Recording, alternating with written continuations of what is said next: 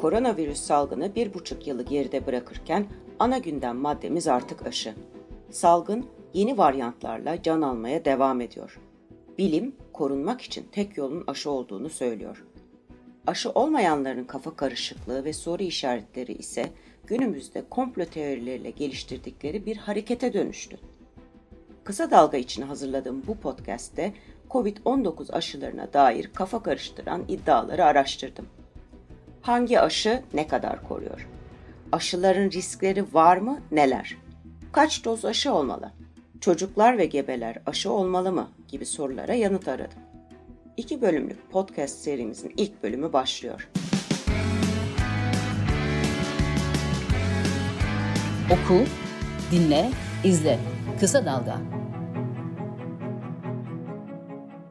Önce aşılanma oranlarına bir bakalım. 12 Eylül itibariyle dünyada 6 milyar doza yakın COVID-19 aşısı uygulandı. Türkiye'de nüfusun yarısına yakını aşılarını tamamladı. Ancak bu oran salgını yavaşlatmaya yetmedi. Aşı karşıtları aşılanmaya rağmen vakaların yükselişe geçmesini aşı işe yaramıyor şeklinde açıklamaya çalışsa da gerçek bu değil. Son dönemde ağır hastalanan ve ölenlerin ezici çoğunluğu aşı olmayan veya yetersiz aşılananlardan oluşuyor. Buna rağmen aşı tereddütü toplumun farklı kesimlerinde var. Aşı karşıtlarının yaydığı yanlış ve eksik bilgiler dolaşıyor, aşıların yan etkilerinden hatta öldürebileceğinden söz ediliyor. Peki bunlarda doğruluk payı var mı? Aşılarla ilgili neler biliyoruz?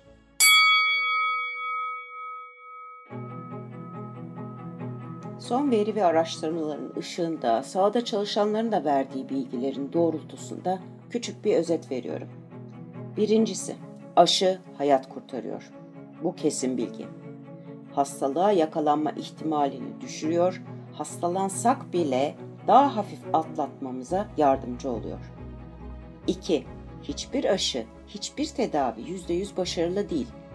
Böyle bir gerçek hiçbir yerde yok. Aynısı COVID-19 aşıları için de geçerli. 3.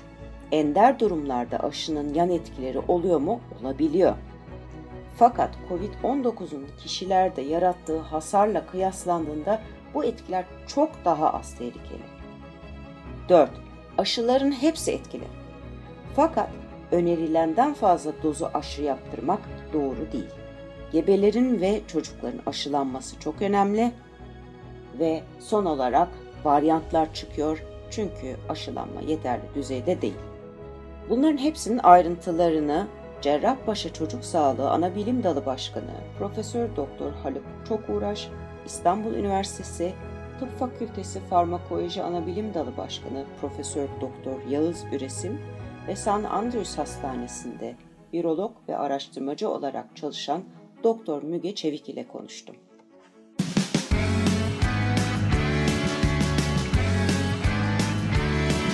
Kulağınız bizde olsun. Kısa Dalga Podcast.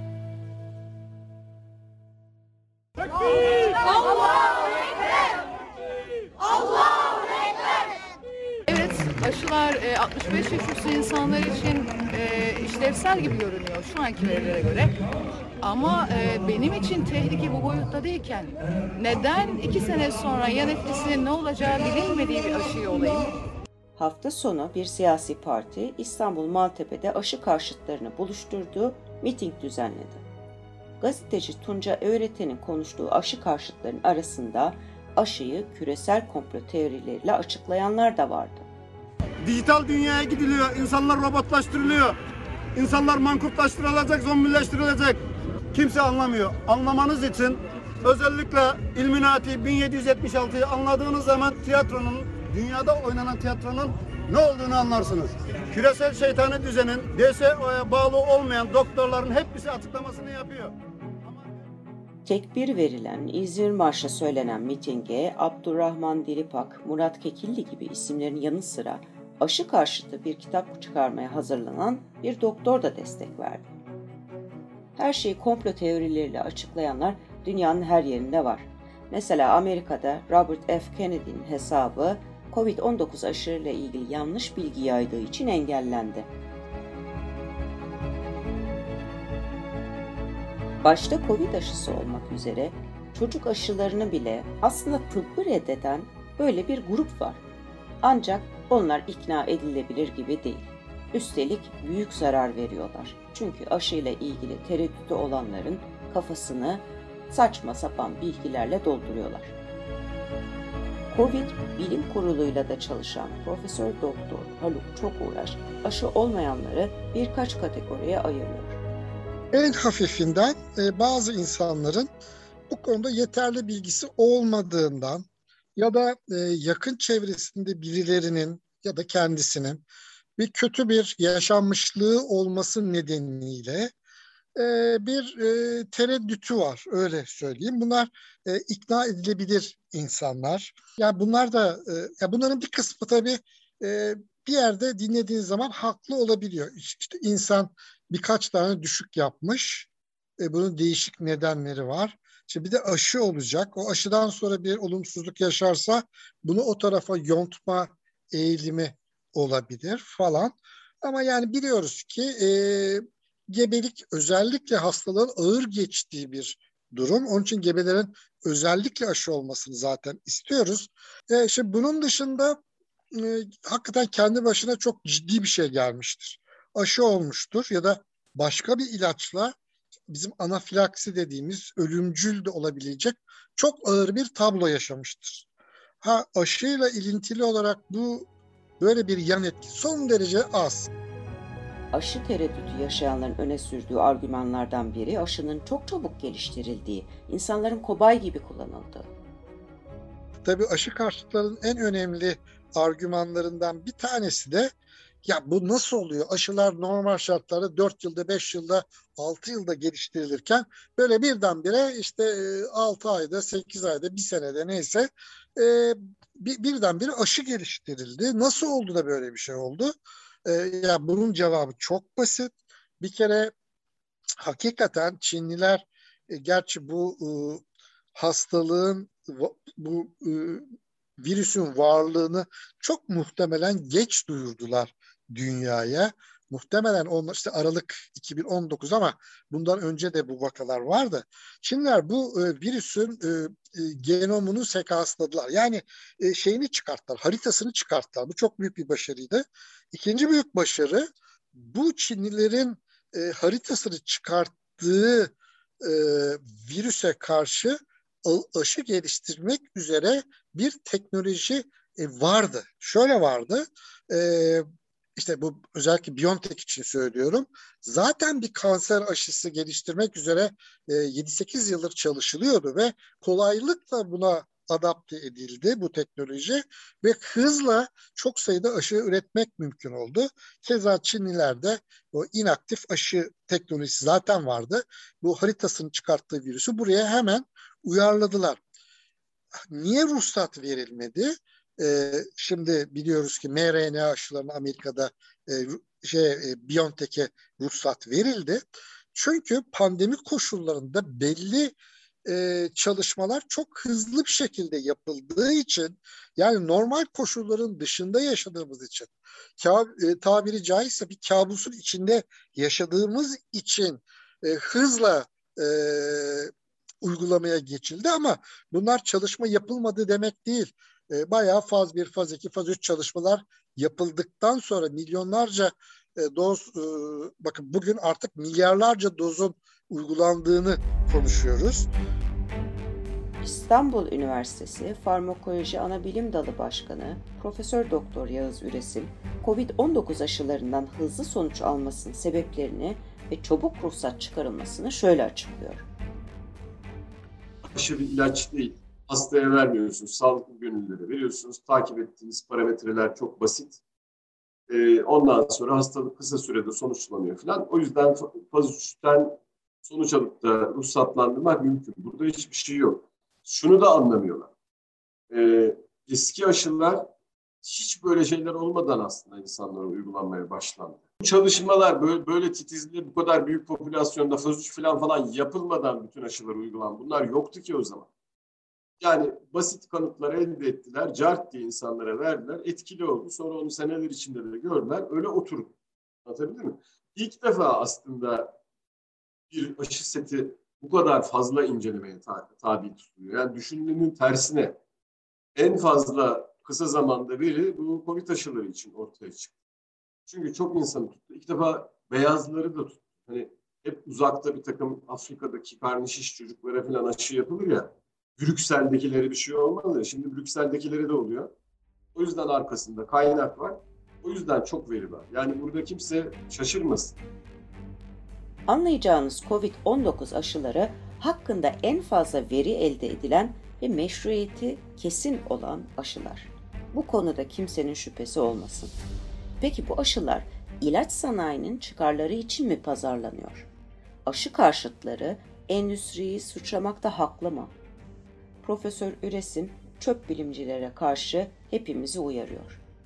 Şimdi bu karşıt olanlar e, kendileri bir endüstri. Onlar aslında endüstri karşıtı değiller. Yani endüstriye ideolojik olarak da karşıt olabilirsiniz. Ben karşıtım mesela. Ben sağlık hizmetlerinin eğitimi falan bedava olması gerektiğinden yana birisiyim. Ee, ama bu ayrı bir şey. Onun için de kendisi bir endüstri ve çıkar grubu olup o çıkara yontmak için ucuz ve uydurma e, beylik bir iki tane endüstri karşıtlığı laf edip sonra ticaretini sürdürenlerden oluşuyor aşı karşıtları. Yani dinleyicilerimize, izleyicilerimize birinci olarak tek tek önüne gelen aşı karşıtlarını ülkemizde mercek altına alıp buradan ne çıkar, ne kar elde ettiklerine bakmalarını öneriyorum. Yani bunların bir kısmı zaten işte bitkisel bilmem neyi falan son derece pahalı bir şekilde internetten satan neydi belirsiz uygulamalar yapan insanlar. Ee, bir kısmı ünlü olmak için e, böyle ben filozofum bilmem ne falan diye kendi arkadaşlarımız var. Ne saçma sapan varsa onu atlayanlar bir kısmı da muayenehanesinde 700 lira, 1000 lira muayene ücreti çekip bir sürü ilaçla insan tedavi eden kişiler. Yani bunlar hilafsız bu şekildedir. Tereddütü olan bir niş varsa o nişe oynarlar. Oradan müşteri elde ederler. Karışıklıktan ün kazanıp ortaya çıkarlar. Bunun asıl niyet olarak buraya bakmak lazım. Endüstri evet e, sütten çıkmış ak kaşık değildir. Ama bununla uğraşan, yani Türkiye İlaç ve Tıbbi Cihaz Kurumu diye bir şey var. Bunun için zaten bu. Ve bir sürü insan bunu ciddi olarak yapıyor. Ötekilerin yaptığı gayri ciddidir.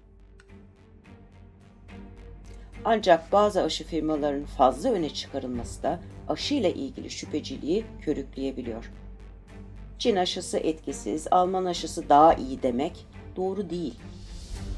Bana sorarsanız Doğu kökenli e, aşılar ve Batı kökenli aşılar arasında bir asimetri var. Hep böyle olur. Çünkü Batı kökenlilerde Batı'nın kabul ettiği normlar içinde daha fazla bilgi üretilir. Daha çabuk ruhsat alırlar filan falan. Yani bu biri ya da ikisi diğeri kötüdür demiyor. Baştan söyleyeyim. Adı geçen aşıların hepsi şu anda etkilidir. Hepsinin yeterli dozda olduğunuz, aldığınızda etkili olurlar. Ha, aralarında nüanslar var. Bir takım yani aşıların niteliklerine göre yapılan çalışmaların ve popülasyonların özelliklerine göre bu ayrı. Ama hepsi işimizi görürler uygun.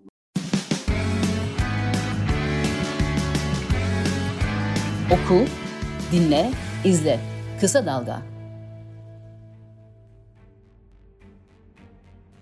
Aşılarla ilgili kafa karışıklığının bir sebebi de Türkiye'de verilerin şeffaf olmaması. Salgında İskoçya Baş Tıbbi Görevlisine ve Dünya Sağlık Örgütü'ne danışmanlık yapan enfeksiyon hastalıkları uzmanı ve bilim iletişimcisi Doktor Müge Çevi'ye bağlanıyoruz. Ee, Türkiye'de aslında ben bu verilerin olduğunu düşünüyorum. Yani kaç kişi aşı oldu, kaç kişi Sinovac oldu, e, hangi yaş grupları aşılandı, bunların hangi ilde olduğu verisinin olmaması mümkün değil. Kesinlikle vardır. Ama bunun e, şeffaf bir şekilde paylaşılmamasından kaynaklı bireyler kendi e, deneyimleri üzerinden aşı etkinliği ile ilgili e, çıkarım yapıyorlar. Özellikle hekimler tabii ki de hastaları gördükleri için e, ve mesela il müdürlüklerinden de bazı bilgiler geliyor. İşte hastaneye yatan aşılı sayısında artış var.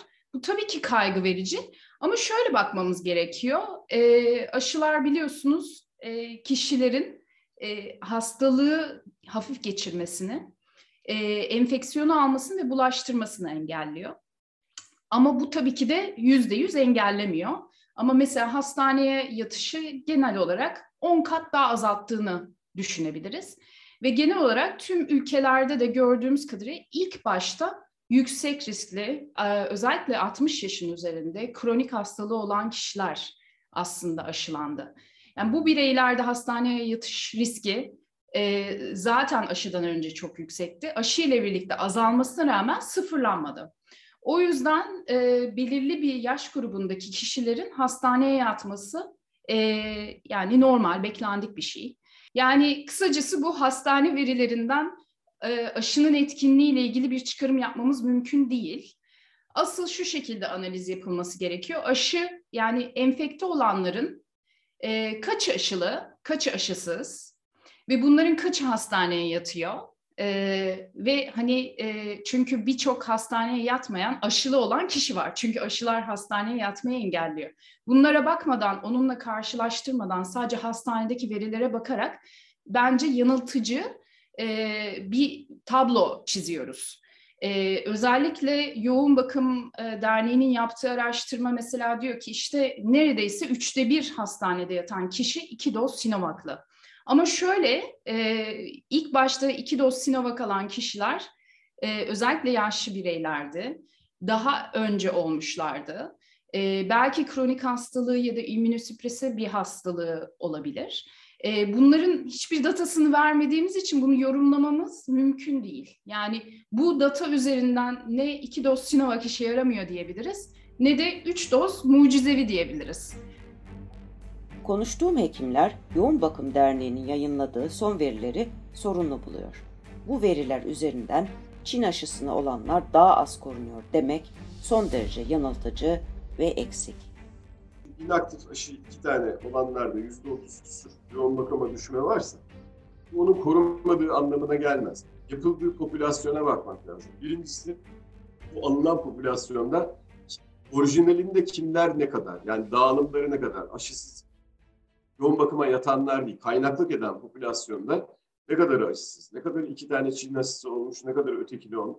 Çok net biliyoruz ki ülkemizde ilk önce inaktif Çin aşısı başladı. Dolayısıyla onu olanların sayısı daha fazla. Yani aşılılar arasında sayısı en yüksek olanlar çift inaktif aşıyı olan. Yani o da yoğun bakıma yansıyor. İkincisi ilk bunlar başladı. Geçen senenin sonunda başladı bu aşılanma. Ben de onların arasındayım. Ee, bir 4-6 ay sonra etkinlik düşüyor. Yani bunu diğer aşılarda da göreceğiz. Bir tane hatırlatma aşısı olması gerekiyor.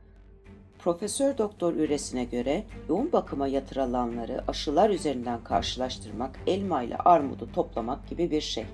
Çünkü inaktif aşı olanlar zaten yüksek risk grubunda olan, çoğu yaşlı olan kesimde. Yoğun bakımlardan gelen verilerde önemli olan aşı olmayan veya yetersiz aşı olanların çok daha fazla olması. Aşıların koruyuculuğuna dair Profesör Doktor çok uğraşa kulak verelim. Ya gerçekten bütün yoğun bakımlardan gelen e, rakamlara göre e, şu son dönemde e, özellikle yoğun bakımlara giren, entübe olan ya da ölenlerin çok önemli bir kısmı ya hiç aşısız olanlar ya e, yetersiz aşısı olan yani tek doz olanlar. Burada yalnız şurada bir şeye parantez açmak gerekir. Tabii Sinovac biz e, sağlık çalışanları bir kere her şeyden önce işte e, şu, Şubat'tan itibaren zannediyorum. En azından ben Şubat'ta oldum. Demek Ocak sonundan itibaren e, Sinovac'la başladık. Yani iki doz Sinovac olduk. E, ve aslında çok işe yaradı. Yani yaramadı. Bir sürü doktor, bir sürü hemşire ölüyordu. Bu bıçakla kesilir gibi kesildi. Yani Sinovac çok işe yaradı. Ha şimdi görüyoruz ki iki doz Sinovac olanlar e, hastaneye yatmaya başladılar. Bu çok doğal. E, bunu biliyoruz. Çünkü iki doz aşının e, yarattığı bağışıklık artık yavaş yavaş azalıyor. Yani üzerinden bakın e, Ocak, Şubat dedim. 7-8 ay geçmiş. Tabii ki eskisi kadar iyi korumuyor artık. Onun için zaten üçüncü bir dozun gerekliliği ortaya çıktı. Üstelik başka bir şey daha ortaya çıktı. Delta varyantı ortaya çıktı ki bu delta varyantı çok hakikaten baş belası bir şey. Her bakımdan baş belası. Çok kolay bulaşan bir virüs. Hani daha ağır seyrediyor mu? E, bu konuda e, çok net bir şey söyleyemeyeceğim. Belki biraz daha ağır seyrediyor olabilir ama asıl e, bulaştırıcılık anlamında çok bulaşıcı ve e, elimizdeki aşıların e, delta'ya karşı koruyuculuğu e, görece biraz daha az. Hala koruyor. Yani korumuyor değil. Ama Sinovac'ın biraz daha az koruduğu yolunda bilgiler var. E, BioNTech'in de şeyi koruması e, biraz daha düşük diğer e, varyantlara göre ama gene de hala koruyor. Ama bildiğimiz bir şey var. İki Sinovac'ın üzerine bir BioNTech olduysanız ya da iki tane BioNTech olduysanız bir kere bunlar ha, harika koruyor. Peki bu, bu, bunu olan insanlar hasta olmuyor mu? Hasta olabiliyorlar tabii ama çok daha hafif. Yani hastaneye yatmayı gerektirmeden, işte yoğun bakımlara yatmayı gerektirmeden e, koruyor. Bunun istisnaları her zaman olabilir. Çünkü kişisel bir takım farklılıklar var. E, yani kişisel e, immün sistemin, bağışıklık sisteminin kişisel olarak e, zayıf olduğu, mesela kanserli hastalar, mesela bağışıklık sistemini baskılayan bir takım ilaçlar kullananlar ya da diyabetli olanlar gibi ya da e, diyelim ki iki tane Sinovac oldunuz, bir tane de Bio, BioNTech oldunuz ama BioNTech'e yeni oldunuz. Bir aşının antikor geliştirmesi için en az bir 10-15 15 gün falan bir zaman geçmesi lazım. Yani böyle insanların da tabii birazcık daha riskli olabileceğini e, biliyoruz. İnaktif aşılarla mRNA ya da mRNA aşılarının koruyuculuğu, riskleri konusuna, aşı dozu tartışmasına bir sonraki podcast'te devam edeceğiz. Lütfen bizi dinlemeye devam edin. Şarlatanlara değil, bilime inanın. Görüşmek üzere. Kısa Dalga podcastleri Demet Bilge Erkasab'ın editörlüğünde Mehmet Özgür Candan'ın post prodüksiyonu ve Esra Baydemir'in hazırladığı görseller ile yayınlanıyor. Kısa Dalga'ya destek vermek için Patreon sayfamızı ziyaret edebilirsiniz.